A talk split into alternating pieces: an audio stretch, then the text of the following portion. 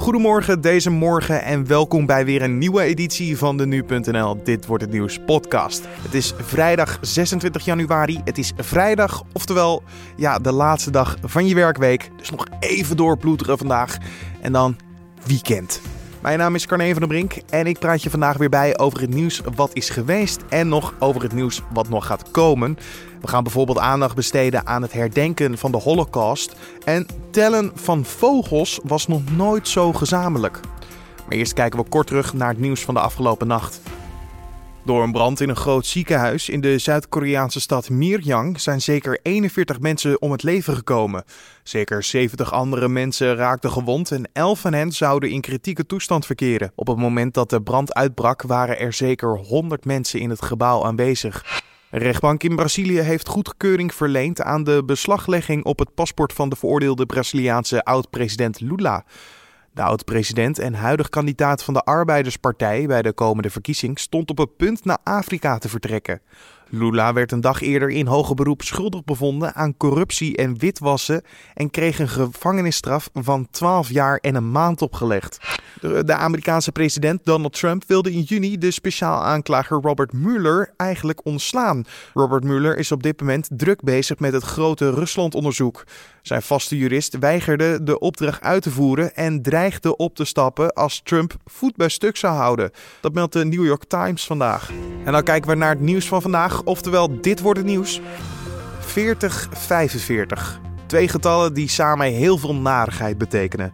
Het is ongeveer 78 jaar geleden dat de Tweede Wereldoorlog uitbrak en daarbij ook de opening van concentratiekamp Auschwitz. Op 1 november 2005 riep Kofi Annan, toenmalig secretaris-generaal van de Verenigde Naties, de bevrijdingsdatum van Auschwitz, 27 januari 1945, uit tot een dag van herdenking, de Holocaust Memorial Day. Wereldwijd worden de slachtoffers herdacht van de Holocaust en van andere genocides. Ook in Nederland doen wij mee aan deze speciale dag. Wat er zo speciaal is aan deze herdenking, vroegen wij aan Jacques Grishaver, voorzitter van het Nederlands Auschwitz-comité. Het is een herdenking, maar het is ook iets wat we herinnering, dat we niet uh, moeten vergeten. Het is enorm belangrijk dat we die zwarte bladzijde die in, in onze geschiedenis, die lang eigenlijk een beetje weggeschoven is geweest, dat we die moeten herdenken. 102.000 Nederlanders zijn van huis weggesleurd en vermoord, zonder dat er een graf van hun bekend is. En dan is het heel erg belangrijk uh, ja, dat we dat blijven denken en overbrengen naar jongere generaties. Uh, kan u ook iets zeggen over het feit of dat per jaar ook toeneemt of daalt de aandacht hiervoor? Nee, ik vind wel dat uh, de aandacht die stijgt. En dat komt ook omdat je steeds meer hoort en ziet. En dat weten we ook uit onderzoeken. Dat jongeren steeds meer belangstelling hebben voor dit facet. Uh, en het belang hiervan, uh, want je kunt altijd zeggen wat gebeurd is uh, aan de Joden, dat kan ook aan andere groepen gebeuren als we er niet oppassen. En, en dat is gewoon heel erg belangrijk. en dat, dat, daar moet je dus dit herdenkingen mee, mee de bevolking wakker maken. Jongens, denk erom. Hè? Laat ons niet tegen elkaar uitspelen. Het is zo makkelijk gezegd. Die groep deugt niet en die groep deugt niet. Elke groep deugt. En je hebt natuurlijk overal wel mensen ertussen zitten die niet deugen. Maar het is gelukkig maar een klein deel. En dan mag je geen hele bevolkingsgroepen over één kam scheren. En dat geldt niet alleen voor Joden, dat geldt ook voor andere groepen. En daarvoor willen wij er ook op wijzen dat er herdenking is. Wat er kan gebeuren als je een groep afzondert. Eh, en het vervolg daarvan. Maar mijn volgende vraag die ik heel erg aan mezelf ook deels stelde. Het was namelijk dat wij in een tijd leven waar bijvoorbeeld meerdere media-uitingen zijn. Ik bekijk bijvoorbeeld naar boeken die uitkomen over uh, kwaad van de Tweede Wereldoorlog en hoe het ons heeft veranderd. Bijvoorbeeld in de trant van extremisme. Maar nu in 2017 is er een toename van extreem rechts in verschillende bevolkingsgroepen. En het lijkt erop dat, uh, dat er steeds meer in. Verschil worden gedacht en niet meer in gezamenlijke punten. Ja, ik hoor u net al een beetje het laten zien van jongens, hier moeten we op letten. Maar vindt u het soms ook angstig worden als u de ontwikkelingen ziet? Ja, ik vind het angstig worden. Uh, en, en, en wat er angstig van is, dit soort ontwikkelingen kunnen alleen maar ontstaan als het grote, de grote groep mensen, de goede mensen, hun hoofd toch omdraaien. De zwijgende meerderheid. Ja. En dan kunnen dat soort groepen die kunnen tot bloei komen. Juist die zwijgende meerderheid moet opstaan en zeggen van jongens, dit gaat gewoon niet. En dat is iets wat altijd is geweest. Dat is ook in de Tweede Wereldoorlog geweest. Dat zie je ook om je heen. En dan op een gegeven moment is het te laat. En dan ondervinden we allemaal van dat kwaad. Hè? Mhm. Er is een, een, heel mooi stuk die hij schrijft. Uh, het is een beetje te lang om die te zeggen, maar het, het begint eigenlijk. Uh, uh, toen de Joden werden vervolgd, toen zweeg ik. Toen de communisten vervolgd werden, toen er geen Joden meer waren, werden de communisten vervolgd. En toen zweeg ik. En toen die ook weg waren, werden het verzetsstrijders zeg. En toen zweeg ik. En dat gaat zo door. En dan blijf je alleen over. En toen ik werd vervolgd, was er niemand meer om voor mij op te komen. En zo zegt dat zegt alles. Want ik ben eigenlijk heel erg benieuwd, want het is nu, nou, pak een beetje 79, 78 jaar geleden nadat Auschwitz opende en ook de Tweede Wereldoorlog begon in Nederland. Hoe denkt u dat wij over nogmaals 78 jaar de Tweede Wereldoorlog zullen herinneren? Met dezelfde inspanningen zoals nu? Ik weet helemaal. Ik ben geen, geen waarzegger. Ik kan niet in de toekomst kijken. Maar uh, als ik zo om me heen hoor en om me heen zie, dan heb ik een zwaar hoofd hoor. Hoe het met ons allemaal moet gaan. Waarom? Nou, net wat je zelf zegt. Over de hele wereld, overal zijn onlusten. Overal breken, uh, breken oorlogen uit. Uh, overal zijn mensen die, die andere mensen naar het leven staan. Het is, heel, het is, het is gewoon ongelooflijk. En dan blijf ik alleen al in Nederland. Nou, als je ziet wat er uh, gebeurt, hoe men ten, tegen elkaar staat, hoe we tegen vreemdelingen staan die binnenkomen en hoe we tegen bepaalde bevolkingsgroepen. Iedereen wordt over een kam dat kan doodgoed blijven gaan. Hm. Dat lukt niet. Dat is droevig om dat te zeggen. Maar ik, ik ben niet zo optimistisch. En ik wil ook dat kleinkinderen in een veilige wereld leven. Dus zo moeten we, dat moeten we eigenlijk uh, zo moeten we het inzien. Maar we moeten wel met elkaar doen. Je hoorde de voorzitter van het Nederlands Auschwitz-comité, Jacques Gishaver. En mocht je bij de herdenking aanstaande zondag willen zijn, kijk voor meer informatie op auschwitz.nl. En dat wordt ook op NPO 1 en NPO 2 zondag uitgezonden.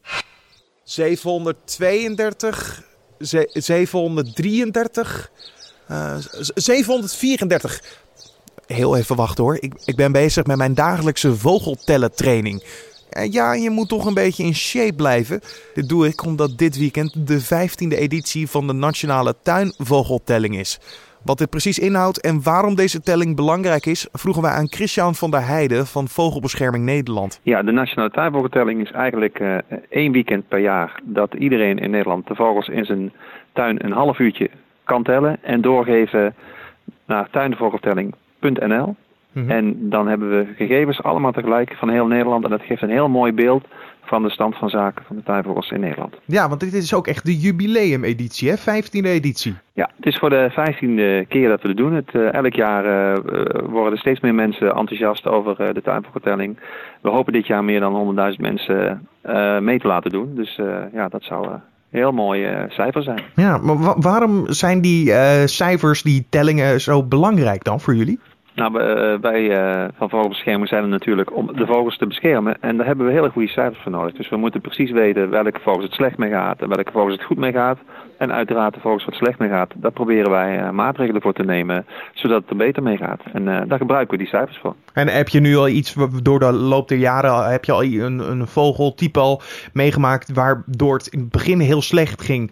Maar nu met de cijfers die jullie door de telling hebben gekregen, opeens weer heel goed mee gaat? Gebeurt dat? Ja, nou, het beste voorbeeld is uh, misschien wel de huismus. Die, uh, die staat altijd, komt altijd op één in de, in de telling, wordt het meest gezien. En toch gaat het daar heel slecht mee. want we hebben ook gezien, hij staat wel op één, maar het zijn er wel de helft minder dan toen we ooit begonnen met tellen. En dat, dat komt omdat de, de huismus die, die kon eigenlijk nergens meer nestelen in de moderne huizen. Alle huizen zijn goed geïsoleerd tegenwoordig, alle daken zitten potdicht. En, en mussen die, die, die, waren, die, ja, die zochten altijd die kieren en die spleten in huizen op. En die konden nergens meer terecht. Dus toen hebben we met vogelbescherming een, een grote actie ingezet om, om mensen voor te lichten dat ze nestgelegenheid moeten aanbieden voor, voor huismussen. En grote bouwbedrijven die bouwen vogelvides in. Dat is onder de dakgoten. Dat zijn speciale spleten voor mussen. En dat uh, werkt dus heel goed, want bijvoorbeeld in Amsterdam uh, is de populatie mussen voor het eerst sinds jaren weer eens gegroeid. Nou, moet je nagaan hè, wat een telling allemaal niet kan veroorzaken in een positieve ja. vorm. Maar ik, ik heb heel erg het idee dat, dat de mensen zich opgeven. En dan is mijn dubbele vraag weer dan, uh, maar dan geef je je op. Dan, dan sta je klaar. Wat, wat moet je doen? Uh, kan je ons meenemen? Hoe ziet zo'n telling eruit? Wat kan ik bijvoorbeeld doen? Ja, het is heel eenvoudig. Iedereen die uh, gaat in zijn eigen tuin of balkon mag ook tellen hoeveel vogels die in een half uur ziet. En dat mag s ochtends zijn, of s middags, of de, vlak voordat de avond valt. Dat maakt niet uit, als het maar een half uurtje is. Uh, want dan, uh, als iedereen hetzelfde tijdbestek telt, dan krijgen we ook precies dezelfde gegevens. En dan tel je bijvoorbeeld, ik zie uh, een koolmees, ik zie twee huismussen en ik zie een merel. En dat geef je dan door via tuinvogeltelling.nl. En als je moeite hebt vogels uit de kaart te houden, of je herkent ze niet, dan staan op tuinvogeltelling.nl ook een hele mooie lijst met de 25 meest voorkomende tuinvogels. En ook nog eens allerlei tips om ze uit elkaar te houden. En ik ben wel benieuwd, want dit jaar heb ik wel heel erg het idee dat het heel trendy is om mee te doen. Om mij heen, op Twitter ook, zie ik overal mensen voorbij komen. Ja, ik heb me ingeschreven, ik doe mee. Waardoor denk je dat dat heel erg dit jaar nou, extreem leeft? Nou, we hebben, we hebben het inderdaad de afgelopen jaar enorm zien toenemen. En dit jaar uh, is het echt, uh, we, kijken hier elkaar aan zeggen, iedereen is ermee bezig. We, ook een hoop BN'ers die inderdaad uh, op, op Twitter of via hun accounts geven van, hé, hey, we gaan weer tellen. En ja, dat betekent toch dat mensen die het een keer gedaan hebben, ontdekken hoe leuk het is.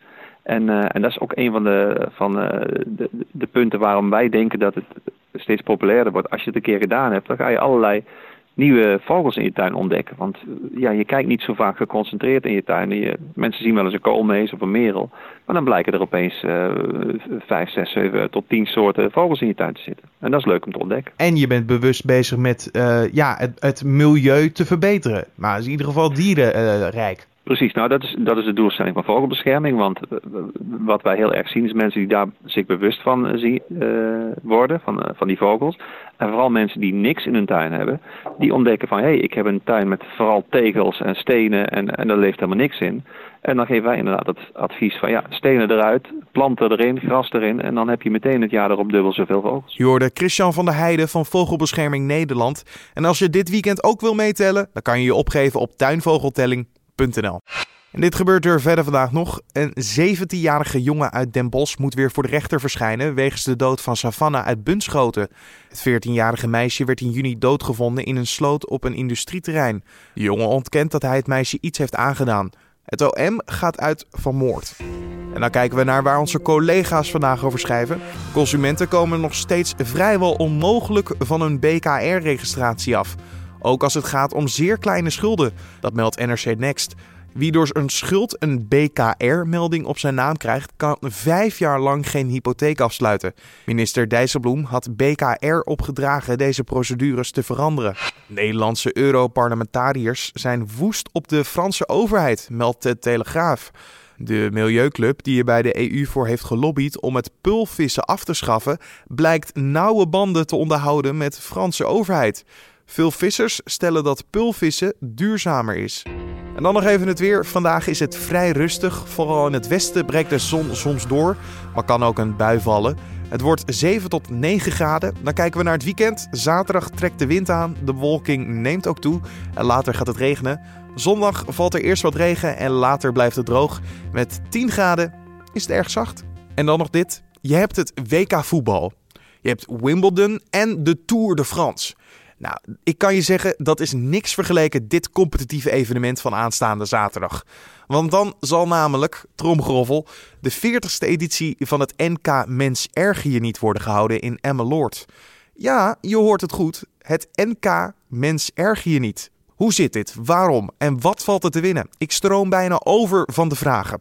Daarom belde ik gisteren niet met één iemand, maar met twee mannen die beide betrokken zijn bij dit NK. Organisator René Willemsen en presentator van die dag en in het dagelijks leven comedian Arie Komen. We hebben het 40 jaar geleden vanuit Friesland hebben het uh, naar uh, de polder toe gehaald. In Friesland werd het Sumuren een toernooitje gehouden. En een van onze carnavalsvereniging mensen die dachten, hé, hey, daar maken we een MK van en dat halen we naar Emmeloord toe. Ja, want Arie, ik, ik ben eigenlijk gewoon heel erg benieuwd. Wat is jouw link met Mens Erger Je Niet? Uh, wij deden dat vroeger altijd. Het klinkt altijd uh, zoals vroeger. Vroeger, uh, vroeger toen er nog geen internet was en geen televisie en geen elektriciteit, want zo oud ben ik. nou ja, we hadden wel elektriciteit, maar we, we, deden gewoon dat soort dingen heel vaak. Ik speelde heel vaak dat nummer Broers. En ik heb er goede herinneringen aan. wat moeten we daar maar ons voorstellen? Hoe, hoe gaat het eruit zien? we hebben een, in het voorhuis, dat is een café-restaurant, die heeft een, een beurszaal erachter. En daar, dat is een hele grote zaal waar 64 tafels staan. En vier mensen aan een tafel zitten en gaan strijden. Zo, ja, dat is nog een aardig partijtje, denk ik zo, zo te horen. Maximaal 256 mensen kunnen deelnemen. Het is de 40ste editie van het NK uh, ja. Mens Erg je niet. En ik had eigenlijk niet in de gaten dat het er was. Ik, ik, ik hoorde het uh, dit jaar pas. Ik ga je nu heel eerlijk zeggen, ik, ik werd gebeld. En die zei, zou je dat leuk vinden? Ik zei, hoeveelste keer is dat ze doen? De veertigste. De hoeveelste? Ik had het ook echt. Ik zei, je bent niet goed bij je hoofd, 40 keer. Maar ik dacht weer, aan de andere kant, ja, ik, ken, ik ben ook al bijna 50. Hè, dat ik zeg, ja, ik speel het al vanaf mijn vijfde of zo. Dus dat is, uh, ja, dan kan het makkelijk zijn. Ik zeg, oh ja, dan, nou ja, dat iemand zegt van, oh ja, dan, nou, ik ben het best bij ons in het dorp. Zo, oh, ik ben het best bij ons in het dorp. En zo escaleren dingen. En voor je het weet doet Donald Trump mee met zijn hele grote handen. En dan, uh, dan verliezen we allemaal. Dan ben ik weer benieuwd. Kost het heel veel bloed, zweet en tranen of valt het allemaal mee? Nou, voor ons kost het uh, nou, geen bloed, zweet en tranen, maar het is wel heel veel werk. Wij we gaan om half acht beginnen om de zaal uh, mooi te laten uitzien. Maar dat betekent de tafels, de de stoelen, de, de borden klaarzetten, de pionnetjes erop. En ja, dat kost heel veel werk. en ja, dan zijn we om half twaalf een beetje klaar. Dan gaat de zaal open. En dan kunnen de mensen naar binnen. En dan om half één trappen we hem echt af. En dan hopen we om zes uur de prijswinnaar bekend te maken. Kan jij eigenlijk een beetje tegen je verlies? Of kom ik daar tegen een mm. pijpuntje? Nou, met sommige dingen wel. Kijk, net met seks wil ik altijd ja, de eerste klaarkomen. En dat is echt wel, dat vind ik heel belangrijk. Dus haha, ik weer gewonnen. Krijgt hij nog wat speciaals? Of, Ja, dan krijgt sowieso de wisseltrofee natuurlijk. Mm Maar daarbij ook een bedrag van 400 euro. Kijk, keiharde prijs inderdaad, dat hoor ik al. Hé, hey, maar hoe gaat die dag er voor jou eigenlijk uitzien? Wat moet je een beetje doen? Uh, dat zie ik altijd wel. Dus het is lekker als je een beetje kan improviseren. Ik speel sowieso een potje mee. Ik kondig het aan. Ik denk dat ik uh, iets open van niet bij is het NK. Mensen erg niet geopend. dan, ja, dan gaan we gewoon beginnen. En hoop ik eigenlijk dat de stoeltjes allemaal heel krap zijn. Dat iedereen gewoon dat iedereen zit, zit te erger. En dat je elke keer zegt, ach man, erg je niet zo. Maar dat is, weet je, het moet eigenlijk uh, spelden, Lego-blokjes. Iedereen moet op blote voeten binnenkomen. Dan leggen we overal Lego-blokjes neer. Tot zover de Dit Wordt Het Nieuws podcast voor deze vrijdag 26 januari. Wil je meer weten over het NK Mensen Erg Je Niet? Kijk dan even op droogpieren.nl. Dat is een website en daar vind je alle informatie. Zoals je misschien weet kan je ons altijd verblijden met een mailtje naar redactie.nu.nl. Schrijf erin wat je van de podcast vindt. Of via een recensie op iTunes. Bij onze pagina van nu.nl, dit wordt het nieuws, kan je daar een uh, recensie achterlaten. En we staan op dit moment op de 42 reacties, dus cijferbeoordeling of een geschreven stukje. En ik wil eigenlijk een doel vaststellen, want dat helpt altijd. Ik zou het heel tof vinden als ik volgende week vrijdag kan zeggen dat we op de 50 recensies zitten. Dus zou je ons nog even verder willen helpen om op die 50 te komen of misschien nog boven die 50 uit te komen? Dat zouden wij enorm waarderen. Dus op naar die 50. We wensen je een mooie dag vandaag, een fijn weekend natuurlijk en tot maandag.